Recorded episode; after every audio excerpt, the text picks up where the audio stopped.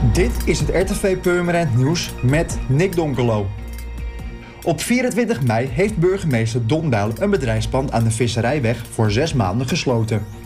In het pand op bedrijventerrein Baansteen Noord waren voorbereidingen getroffen om een hennepkwekerij op te zetten. Er groeiden nog geen planten in het pand, maar er was al wel gerommeld aan de stroom- en watervoorziening. De hennepkwekerij in Aanbo kwam aan het licht tijdens een integrale controle op het bedrijventerrein op 23 maart jongsleden.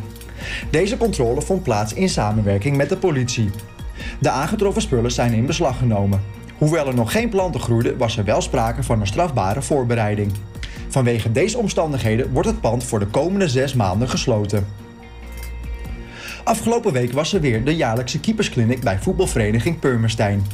Dit jaar ontvingen maar liefst 30 jeugdige voetballers hun keepersdiploma en bijbehorende medaille. Twee van hen werden als talentvolle keepers naar voren gehaald en ontvingen zelfs een beker.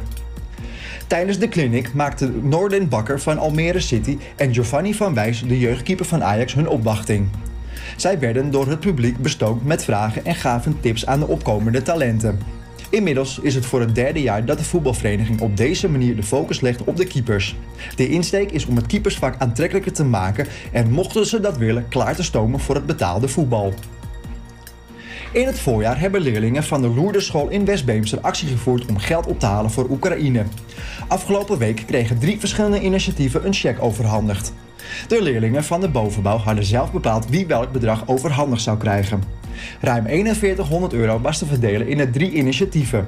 Stichting Caritas uit de Rijp, de Bonte Klaver uit de Noordbeemster en het opvanghuis in de Middenbeemster. Het is de bedoeling dat het geld besteed wordt aan kinderactiviteiten.